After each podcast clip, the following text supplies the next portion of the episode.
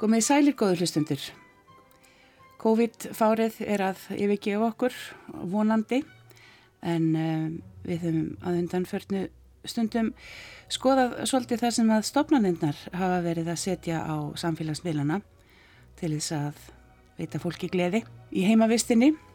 Síðast þá var hann Rappkjell Orri hér í þættunum og um, nú ætlaði ég að skoða það sem að vakti aðtikli mína á dögunum þegar að Íslenska óperan setti Ariu dagsins og þar poppaði þrítug söngkona sem að ég hafði svo sem vitað á væri til en hafði aldrei hert í henni.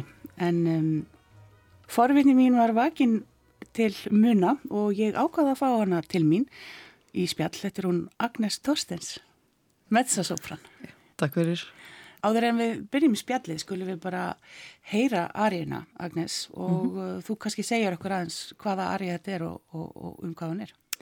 Já, þetta er sem sagt Arja Leonoru úr Favorita eftir Donizetti og það þetta er svona, já, hún heitir uh, Omio Fernando, hún sem sagt í sögunni hún er, hvernig segir maður, hjákona konungs og hún er sagt, Fernando kemur tilbaka þau, sagt, hún er alltaf ástengina honum.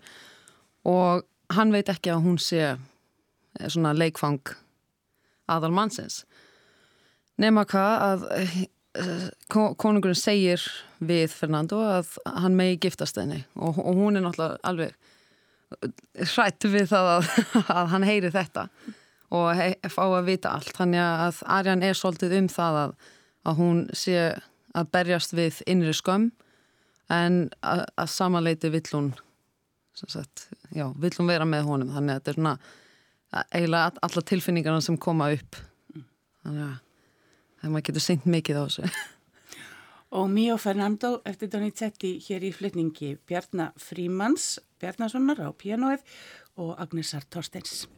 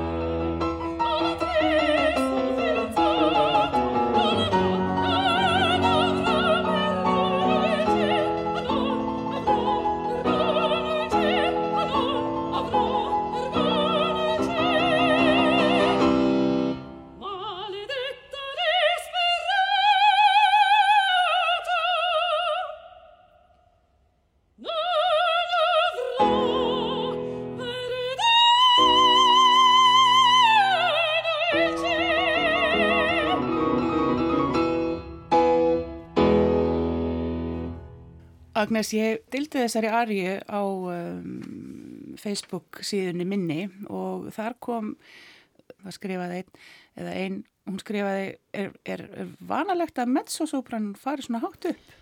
Þú ferði upp á hva, hvað er hérna tónin, háið? Það er háið, háa, háa há. Það, það er háa há? Já, háa há. en það er sko, áður fyrr var þetta talið svona í því, á hæraðsvinu sem maður gæti farið á. En í dag þurfa mezzor að komast allavega upp á HSC. Þannig að, og það, það fer náttúrulega eftir í hvaða, hvaða tegund af mezzosopran þú ert, en flestar þurfa allavega að hafa feiki sterka háa, háa tóna. Það búast allir við, við því að maður getur bara sungið bara eins og sopraninn en, en hafi samt þessa djúbu og juicy tóna sko. Þannig að já, vilja allir heyra svona stórt ratsvið sko. Einmitt. Segð okkur aðeins, áður við tölum meir um þetta, mm -hmm. hérna svona frá þínu tónlistar uppeldi og þínu tónlistarferðli hinga til. Já, ég byrjaði fyrst á, á piano í tónlistaskóli Garðabæðar Amma Agnes Löfi, hún var tónlistaskólistöðurar og uh, ég ég hafði eiginlega svona, svona mismikinn áhuga á pianonáminu en mér varst alltaf gaman að geta búið til tónlist. Var hún að kenna það sjálf? Nei, hún Berglind Jónsdóttir, hún var. Já. en það svo kom Guðrún Jóhanna uh, Jónsdóttir, dóttir hans Jóns Áskers frænda, hún kom og ég fór til hennar í söng. Og það var alltaf, það var eiginlega fyrsta sem að sparkaði mér út í það að geta sungið var það að ég var með fyrstu tónleikana mína, sem það voru nefnda tónleikar og ég sönga eiginlega ekkert. Og Guðrún Jóhanna þurfti að syngja til liðar og Amma dróð mig á tal nokkrum dögum eftir og sagði að hún ætlaði ekki að borga fyrir námið ef ég myndi ekki byrja að syngja. Þannig að það bara opnaðist allt og En hvað, akkur gæst ekki sungið? bara feimin mann man fannst það eins og maður bara hefði ekki neitt sko. Og það byrjaði svona ungu sko, ég held að það hefur 11-12 ára. Þú hefur verið bara allsberg fyrir framann alla. Já, já það var ekkit að ímynda sér að allir aðri væri allsberg, það var bara ég sjálf En já, svo var ég þarna og var sest, í mentaskóla og í vinnu í, á sama tíma. Ákvað svo þegar að ég var að, sest, satt út í bíl með ömmu þegar að burtfaraprófið í söngnum var að nálgast. Þá ákvað ég rétt fyrir jól að taka bara burt, burtfaraprófið í piano líka. Og þá var ég ekkert búin að spila í alveg 2-3 ár nema hvað að við ákvæðum þetta og þá, var, þá þurfti ég að, að hætta í mentaskólinum og í öllum vinnum til þess að geta einbeitt mér það að vera að undirbúa sko pianoprófið og söngin uh, já, það voru bara 8 tímar á dag að sitja á piano, syngja og spila. Svo útskrifaðist ég bæði úr söng og piano 2009 og 2010 var ég farin út. Út hvert? Til Östuríkis fór fyrst 2009 bara beint eftir prófið fór ég til uh, Þýskalands. Í München var þar í enga tíma kom svo aðeins til Íslands og var svo flutt bara til Vínar beint 2010 og hef ekkert komið heim síðan. Mm. svo já. Komstu inn í góðan skóla þar? Já, ég fór inn í tónlistaháskólan þurfti að berjast fyrir því eh, tvissar og á þriði tilurinu komst ég inn og já, var þar til 2016 þar, þá útskrifast ég í bachelor með láði. Og og einmitt á þeim tíma ári eftir að ég byrja þá var ég strax komin á sviðið og söng þá í Brúköpi Fíkarós í Sönbrún óperúsinu þar. Og það voru það var frá 2012 til 2015 sem að svo síning var mm. og þar var ég alltaf að, að söngja annarkvæmt Marcellino eða Cherubino þannig að maður svissaði svolítið mm. og svo bara er þetta búið að vera að ferðast síðan sem er svolítið óvanlegt að vera fastur á Íslandi í svona 2-3 mánuði núna mm. En þú líð, ansið ung að byrja 2012 þá, hvað ertu þá, 22? Já, nýjónuðin 22 Já, er það ekki svolítið ungt fyrir eh, svona söngunur að, að hoppa inn í svona hlutverk?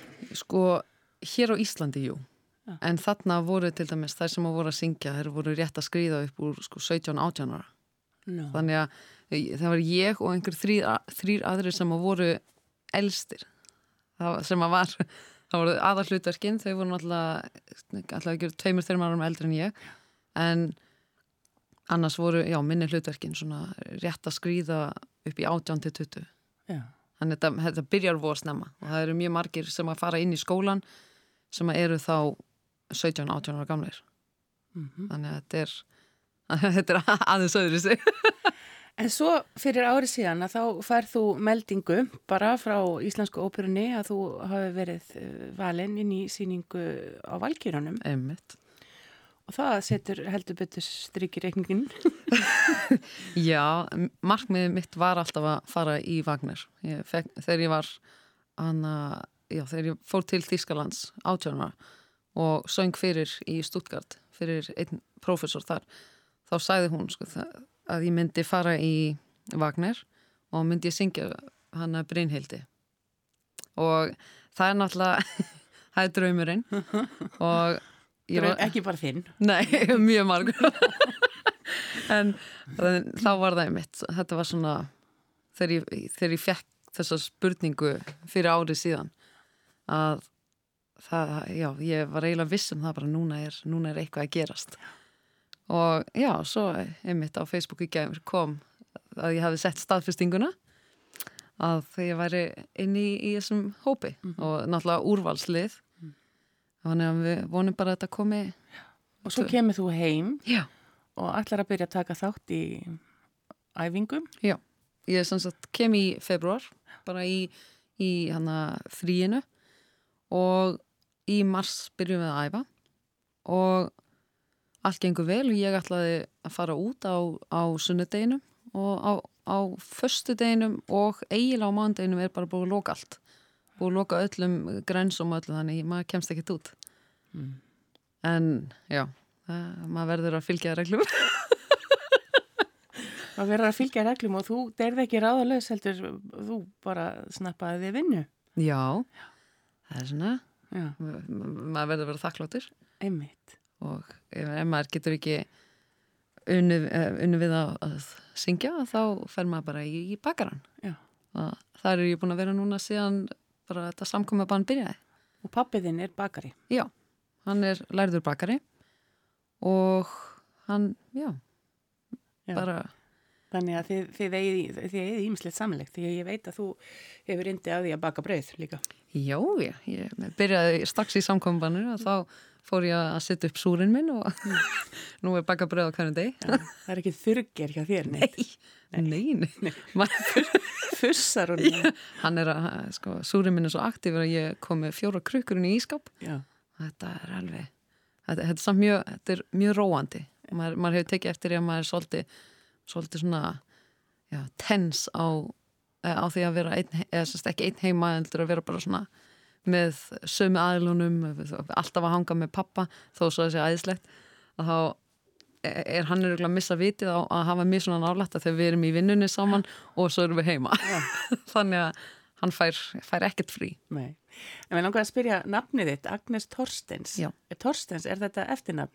Já, þetta er bara ég hef átt í svo miklum erleikum með Þorsteinsdóttir og út um allan heim og hef fengið svo margar uh, mismunandi útgáfur Mm.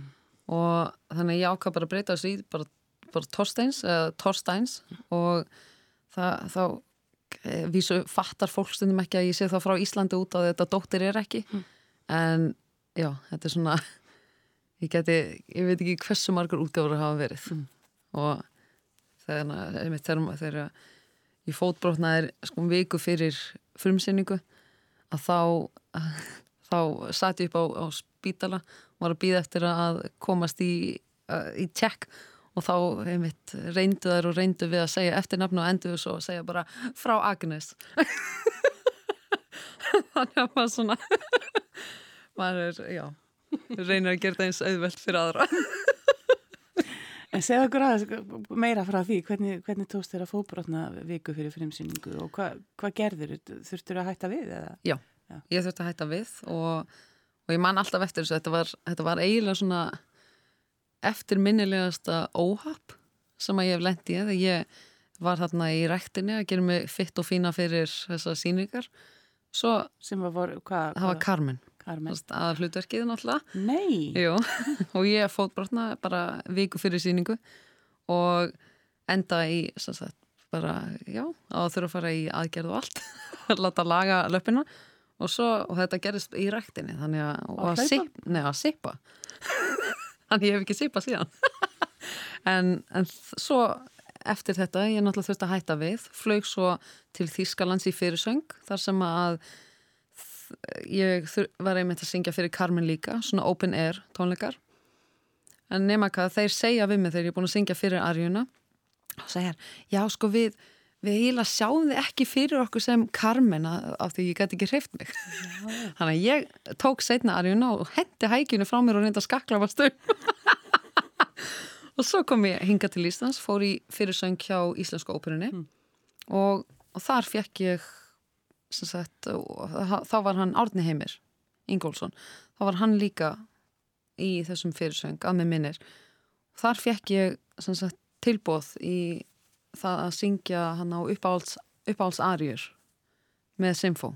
Og það var náttúrulega alveg úrvalslið sem var þar. Elmar, Ottur Já.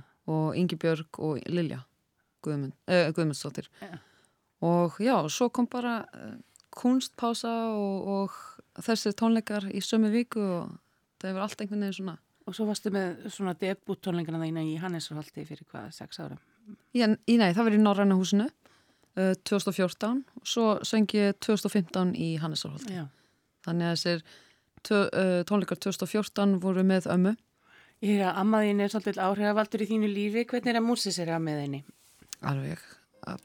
Það er, já, við höfum báðið mjög sterkar skoðanir en hún hefur alveg mörg ár bara ítt mér þangar sem að ég vil fara. Og hún alltaf stýður alveg svakalega mikið. Og já, að vinna með henni hún, hún hefur alltaf getað gefið mikið insýn inn í það hún hlustar vel og meira þess að Náttúrulega spila með mörgum söngurum Já, og unni með, með mjög mörgum og, og þekkir á þetta líf. Þannig að það er svona eh, um leið að maður fær einhvern þannig að þá er það þá er maður mjög þakklátur. Mm. og náttúrulega án hennar væri ég ekki hefði ég ekkert valið þessa braut sko. Það ég ætlaði náttúrulega í læknin en, en svo kannski maður þakkláttur fyrir það. Að núna þurfa ekki að vera í lækninum svona, á, á svona tímum. Já, með grím, grímina og í búningum og, Einmitt, maður er bara maður er, er stoltur að, að fólkin í framleginu núna sko. Heldur betur.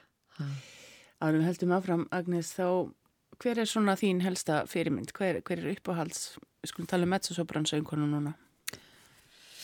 Það er náttúrulega hún Obrasova sem er bara hún hana, e, Elena Obrasova hún er náttúrulega, hún er af rúsnarsku skólinu sko. mm -hmm. hún var náttúrulega með þessa brjáluðu brjóst tóna eins og maður kallar það. Og það, þegar maður heyrði hann að syngja þá var það bara, það bara og þess að heyrði upptökur af henni þá bara glumdi allt og það maður heyrir bara upptökunni að upptökan næri eiginlega ekki að halda í við sko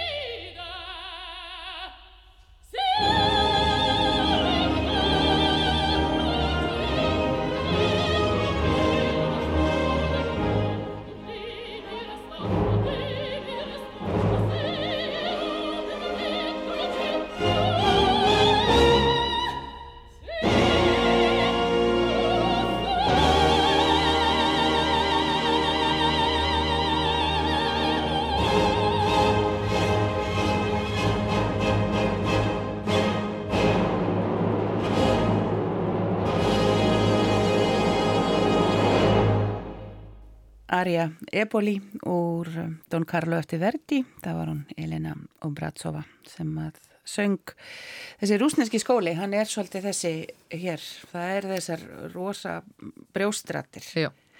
Langaði aldrei að fara til Rúslands og, og hérna tilenga þér þessa tækni? Nei, sko, þetta kemur þessi, þessi rosalega tenging við líkamann og við brjóstkassan og bara, já, að annað svæði að þetta er upprannlega sem sko skvilló frá ítalska skólinu sem er skvilló nú verður að ná. það er svona það er svo erfitt að, erfitt að útskýra þetta. Þetta er, þetta er svona þegar, þú, þegar það er rosalegt svona presens á, á öllu sviðinu. Þannig að þú heyrir svona þetta peng sem að er í, á, bara alveg upp og niður. Og að þú eiginlega sem áhórandi þú, þú finnur uh, tónlist, uh, þú finnur hljómana í líkamannum þínum. Og, og það, það, er, það, er, mjög mikið já, í ítalska skólunum að þetta sé að við séum mikið eh, veist, en, en það er ekki þetta sem er, sem er sko fer út í nefið heldur þú heyrir að þessi resonans er bara eiginlega heill. Þetta er bara svona eins og bara, já, bara kúla yfir þig allan sem að bara výbrar Þannig að þetta er eina legin, þess vegna vil ég eiginlega aldrei kenna því ég get ekki útskiptuna. ég segi alltaf bara að hlusta og, og þá, þá semst, heyrir fólk þetta og, og það, það er mjög, semst, maður heyrir þetta rosalega hjá ítölskum söngurum. Þeir hafa þetta bara út frá tungumálunu. Mm. En, en, en já, og, og rúsneski skólinn er svolítið þannig að það er þetta að þegar þú hefur góðan mezzo og jafnvel kallmannsrættinnar það sem að er hafa svona rosalega svona, já, svo juicy tóna og sem maður vill hlusta á sem þar finnur maður eiginlega þá finnur maður eitthvað með þeim sko. mm -hmm. en já. Já, sem passa náttúrulega líka fyrir sko oft á tíðin þessar rúsnesku músík eins og söngu og dansadauðans og ímislegt fleira sem að maður eiginlega bara finnst að bara rúsar geti sungið. Mann og alltaf eftir þegar Horostovski var hérna hann, hann, hann var náttúrulega alveg bara sá, sá hann sem Iago hérna úr Otello í, í, í ríkisóperunni í Vín. Og það, ég held að bara ég held að húsið ætlaði bara að springa. Mm. hann var ótrúlegur. Og hann er einmitt svona einn af þeim sem að opnaði bara munin og söng. Mm. Við sögnum hans mikið. Já. en hann tók einmitt uh, Arju Jagos sem aukalaga á tónleikunum hér. Já, aaa Hann, Han, han. Han, han, han.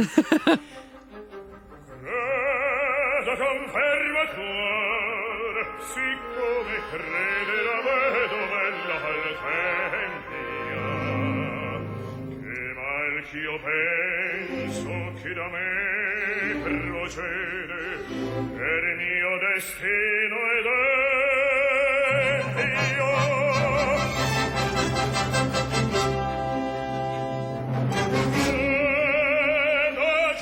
presto e un resion beffardo e nel viso ne cuor e tutto in lui gocciardo lagrime e pagio sguardo sacrificio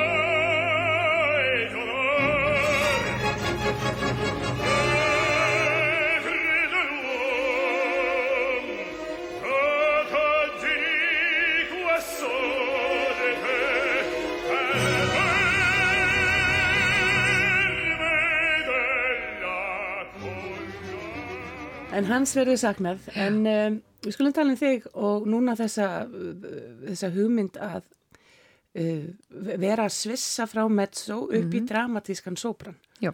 Hvernig, hvernig framkomum maður það? Hvað gerir maður það? Og hva, hver, hver, hver er breytingin á hlutverkunum sem að þú ert að sækjast eftir það? Sko, sem mezzo þá er, er maður oftast í þessum, þessum vondakonan og, og þarna, hvað er það? Sagt, eins og Nordnin í Hans og Greti ef hún er ekki sungin af tenori þá er hún sungin af, af mezzosopran. Og all þessi, all þessi hlutverk ég, ég kalla alltaf þannig að sko sopranar hafa þessi hlutverk það sem er, það er degja á sviðinu og tekur alveg 15-20 mjöndur en mezzon myndi eiginlega bara svona, eins og í Carmen þar hafa þennan duett og svo bara er hún stungin sko. Og, og það búið. Já, ekkit vesen sko. Þessi hlutverk eru svona ég veit ekki, mér finnst að vera sko dramatískari. Og það er meira um svona svona, svona seduction í, í þeirra línum sérstaklega. Mm. og það minnst það bara ég, ég var svolítið hrætt þegar ég fekk að heyra það einu svona að ég myndi örgulega breyta upp í sopran og ég var náttúrulega alveg brjálu það ætlaði ekki að fara að syngja þessi hlutverk. En svo er maður alltaf umlega maður heyrir hérna Mimi syngja Arjuna í, í þriðja þætti í úr bóhema þá vildi maður óska þess að maður kæmist svona hátt sko. hvert, uh, hvert stefn, hversu hátt stefnir þú þá núna? Ég er að tala um rallega sér. Sko ég er náttúrulega á góðum degi er ég að komast upp á sís og alveg upp á D en það þarf að vera mjög góð dagur og þá er ég sko ekkert búin að syngja í, í langan tíma og neitt hannig en sko mitt markmið er að hafa mjög gott HSC til þess að geta sungið uh, Brynhildi af því að hún fer upp að háa sig og svo er það eiginlega bara, já, held ég að segja meira sko. en, en eh, svo, lengi, sko, svo lengi sem maður er svona þetta tvissunfag og er að fara upp í dramatísk, dramatískan sópran að þá já, þarf maður að hafa sko, feiki góða feiki gott millisvið og já af því ég er, ég er ein af þeim að mér finnst ef þú hefur þetta millisvið og lágasviðið þá kemur herrasviðið með mm. að þetta er bara eins og að þú heldur á gorm sko. og, og það er svona já, sem að margir oft gleima þegar þú ert að æfa þig til þess að komast upp þá átt ekki að vera að pípa þarna uppi og er, e, mögulega eiðalegja rattböndin ég hef séð og heyrt marga gera það einmitt að, að fara vittlust upp til, af því að þau vilja breyta og þannig að þú, þú getur ekki þyngt röttina eina til þess að einmitt að, gera, að, að breyta sér svona þetta kemur bara með eh, aldrinum mm. og, og einmitt drama, sko, dramatíkin í röttinni kemur með aldrinum Þannig að þú ert í raun og verið ekki að missa neitt þú Nei. ert eiginlega bara að, að, að fá meira Já. Já, og sérstaklega í þessum dramatísku sópran hlutverkum þá er það mitt, sko, það er eboli og það er elektra, uh, síglindi úr, mitt úr valkýrinni og, og svo santútsa. Santútsa er mjög oft sungin af mezzosopran og dramatískun sopran og þannig að það er svona, maður þarf að hafa allt ratsviðið á, fyrir þessu hlutverk en svo ef maður, ef maður hefur þessa hefur ennþá þetta miðsvið og, og lásið þá getur maður líka verið að syngja dramatíska meðsóðun áfram. Mm. og ég er svona eina af þeim að ég hef aldrei viljað setja mig í kassa. Og mér finnst það bara það ég veit ekki, það heldur svolítið aftur á manni. Sérstaklega þegar maður er ungur og það sé verið að segja já þú ert meðsó eða þú ert sopran það, að, það á að leifa bara fólki að syngja það sem það vill. Ef það getur ekki sungið það þá setur það til liðar og kannski tekur það upp einhver, einhverjum ánum setna en þetta er mitt, þetta er voða austuríst og þýst að vilja bara setja einhvern í kassa og hafa þann aðila í kassa bara þangur til að þeir hætta að syngja. Mm. En þú ætla nú samt aftur til Austuríki sem leið og löndin opna. Jú. Því að þú, þú, þú ætlar að fá hjálp við þetta, að, að þú ætlar ekki að gera þetta einn, þú ert ekki hætt í námi. Nei. Nei. Ég, já, ég er núna í vocal performance, þetta er nýleið í háskólinum í, í Vín og þess, já, þessi vocal performance þá ertu bara að einbita þér að að, að sko flutning. Þá, ertu, semst, þá hefur eina önn það sem þú ert fyrir óperuna aðra önn fyrir ljóð og, og svo konserta þannig að þetta er svona og þú færði alltaf allt metið inn. Ef þú gerir, ef þú, eins og með valkýruna ég fæ það þá metið á þarna stöðun mm. ef, ef allt gengur eftir þannig að við krossum öll fingur.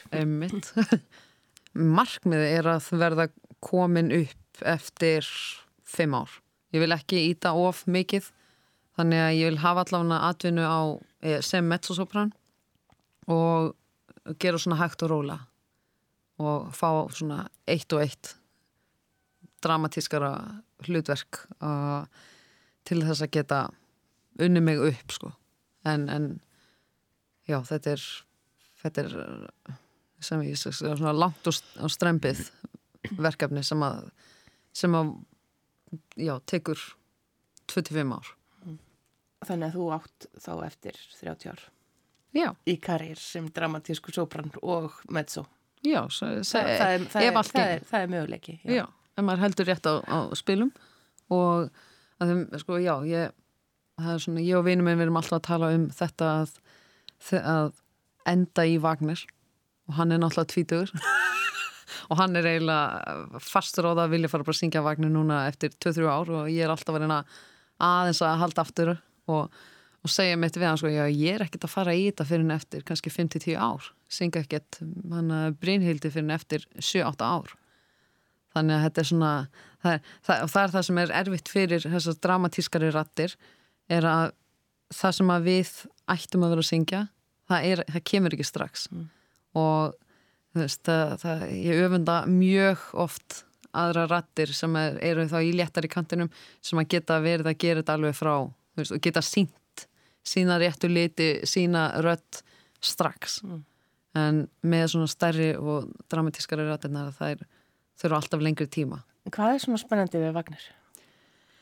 Bara tónlistin og, Hefur og alltaf, hefur alltaf verið hrifin af Vagnar? Já, Já.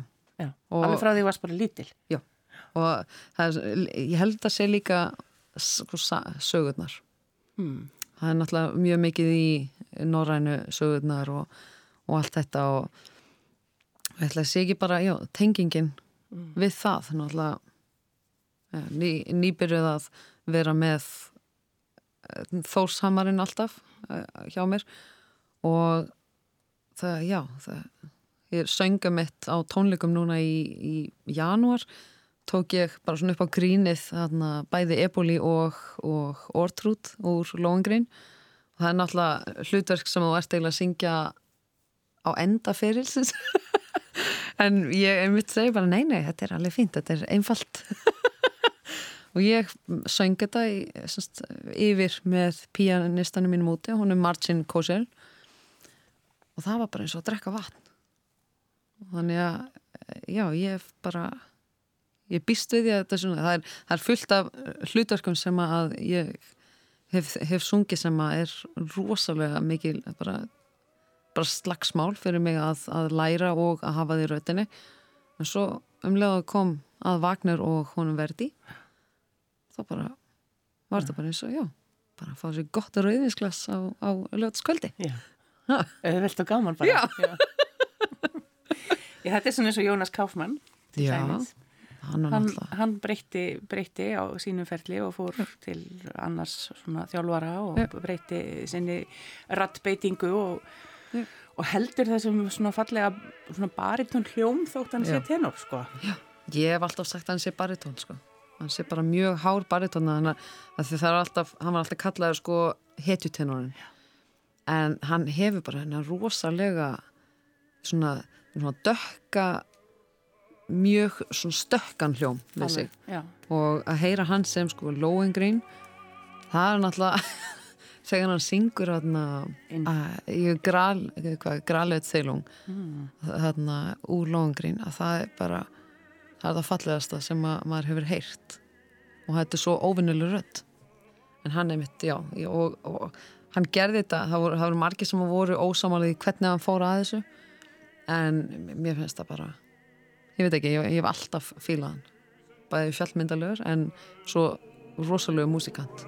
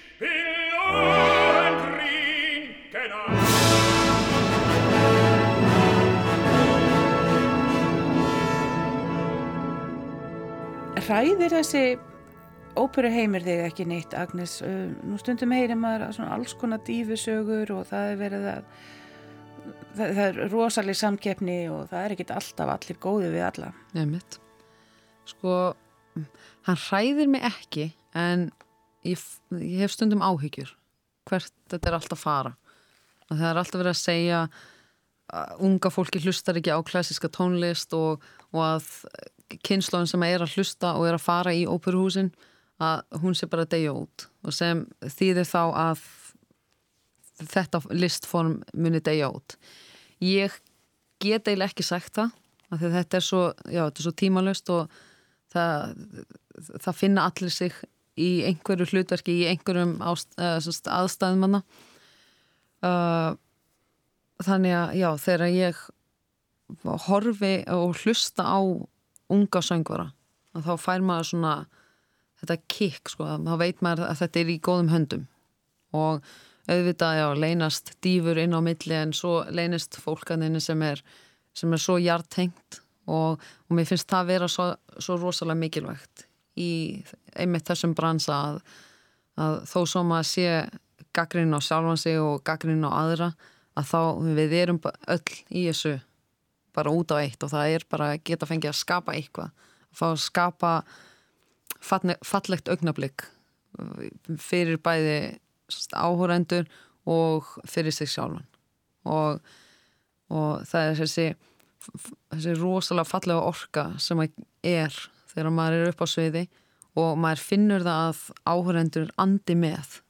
Að það er svona það er eiginlega toppurinn á þessu Er, er feimnin farin úr þér alveg? Ráði þú varst aðna allsber upp á sviði 11 ára og vildir ekki syngja? Jó, sko, ég, hún fór eða bara mjög fljótt sko. uh, og mér finnst alltaf mjög gaman að sjokkera fólk uh, að, að sjokkera áhræðindunar þegar að þegar ég fer upp á svið að þau, það, fólk sé ekki fara að hugsa þú veist, ó, er þetta ekki fara að búið þannig eins og ég manna kunstpásinni 2016 að þá það var, var uppklasslægið og ég, ég ákvað semst, ég, var með, ég var með rósir að ég var að syngja úr þannig að ég Judita þannig að menni lippen sig kvissin svo hæs náttúrulega ekki mitt fag en ég var bara, ég ætla samt að syngja þetta. Og ég tekur rósirnar og svo er, er, er við að hana, syngja fyrstu kaplana og svona. Og þá spilar Marcin, pianistinn hljómana og svo hverf ég á seginu og stekki niður af norðurljósa seginu og lappaði um salin og ég, ég menn aldrei gleymaði eftir á þá kom hann yfir til mín og sagði ég held að það hefði dóttið og ég fann nei, vekja fólkið aftur. Já, þannig að ég vil alltaf og eins og með síningar að þá hef ég all, ég hef all, það er engin síning eins hjá mér. Ég vil alltaf bæði upp á sviði vilja hafa þetta eins ferst og hægt er. Og, og þannig að ef einhver sem er í áhörendasar sem að hefur kannski hefur séð síninguna áður um leðan kemur aftur og þá sér hann eitthvað aðeins annað aðeins öðru steg, þetta er eins og í, bíómyndunum þegar maður tekur eftir einhverju nýju. Mm. og Þannig að þú tekur áhættir, þú ert ekki rættið að taka áhættir Nei, Nei. og helst eiginlega að taka það margar að ég sé alveg á það er limitið sé alveg bara og svona rétt að fara með tætnar yfir. Og, og það, það finnst mér sem að skipta svo miklu máli að þetta verði ekki líka leiðingjart fyrir söngvaran mm. En að því vorum að tala saman hérna áðan að þá það er svolítið merkilegt, fólk vil heyra stundum ljótt. Já, þetta er, það er náttúrulega, lífið er ekkert bara dans á rósum og, og enga kennarinn minn núna, hann er mjög mikið fyrir það að láta manni veitt syngja bara út frá tilfinningunum og, og það að maður má gera mistök. Og þetta er eitthvað sem er ekki kent í skólum. Og það má gera mistök, þú mátt fara eins langt og getur og þú mátt syngja ljótt. Og, það, og þegar ég er að segja ljótt þá er ég ekki að tala um að þú sért að garga eitthvað. En þú, þú mátt setja þessar tilfinningar sem að þú ert að upplifa það er eiga að fara í söngin og, og ef að það kemur einhver tótt sem er ekki alveg fullkominn so be it. Bara, það var eitthvað sem átti að gerast. Og, og það er eitthvað sem að áhurendur þá upplifa þeir eitthvað, eitthvað tengt sjálfum sér eða eh, já, sjá, sjálfan sig í, í því, því hlutverki. Þeim aðstæðum eins og sagði þannig að þetta er, já, að syngja ljótt það er eitthvað sem engin á að á að vera hrættur við. En Egu við eftir að sjá þig á Metropolitan í Vagner? Vonandi. Hann alltaf það var mitt markmið þegar ég var bara 8 ára gömulað að syngja hana, á Metropolitan 21 ára. Og ég kom inn mjög langt frá tíman á það. En, en já ég bara ma maður stefnir alltaf hátt. En mitt markmið núna er einmitt bara að að ná mér í það gott stand að ég geti gert þetta til lengri tíma og þá einmitt að vera að ferðast ferðast um heiminn og að syngja það sem að mér finnst gaman að syngja. Að maður sé ekki þurfa að syngja einhver hlutverk sem að kannski koma mann ekkert áfram sko rallega séð. En að syngja eins og þú sagðir að vísu, já við vorum að tala saman á eins og syngja í þýskum óperhúlum fyrir 90.000 krónur á Einmitt, já, það er svona Öll aða hlutverkin, alveg búin að vera. Já, stökka inn á síninga stökka inn í síningar og já, fá ekki að fá ekki krónu fyrir það. Bjarga síningunum og svona. Og það, og það er náttúrulega þetta gráasvæði fyrir óperstúdjóið að þeir segja náttúrulega alltaf já þetta er reynsla og svona en, en náttúrulega Þú græðir svo mikið á þessum Þetta er svona svo í þannig að þegar maður segir við kokkin sko, þegar maður er með veistlu það er já, er þannig að reynslan þannig, þú fær svo mikla reynslu, ég get ekki borgað neitt en þú fær reynsluna. Já. reynslan borgað náttúrulega ekki en þetta er svona, já. Þetta náttúrulega gaf mér voða mikið en þetta tók líka mjög mikið. Og, og þetta náttúrulega já, þetta, ég, ég var rosa sterk eftir þetta og hef, og ég læriði að segja nei á setna árinu þá, þá læriði ég að standa með sjálfur mér. Og það var eiginlega það mikilvægasta sem ég tók frá þessum tíma að geta einmitt sagt og verið það sterk að geta sagt nei á því að í, í þessum heimi í dag er, er ekkert mikið um það ef að þú segir nei að þá er þeir ekkert að hlaupa á eftir þér. Þá finna þér bara strax einhvern annan. Þannig að ef að fólk fer að þóra þessu þá kannski breytist til hins betra. Agnes Torstens, takk fyrir að koma í þáttinn og, og, og takk fyrir að spjalla og ég vona bara að þér gangi sem allra best í framtíðinni. Ég laka til að sjá þig í, á Metropolitan. Ja, takk fyrir bóðið. og við vonum líka að, að svona söngheimurinn fara að opnast og listaheimurinn og fólk fara að geta skellt sér á tónleika Einmitt, vonaða besta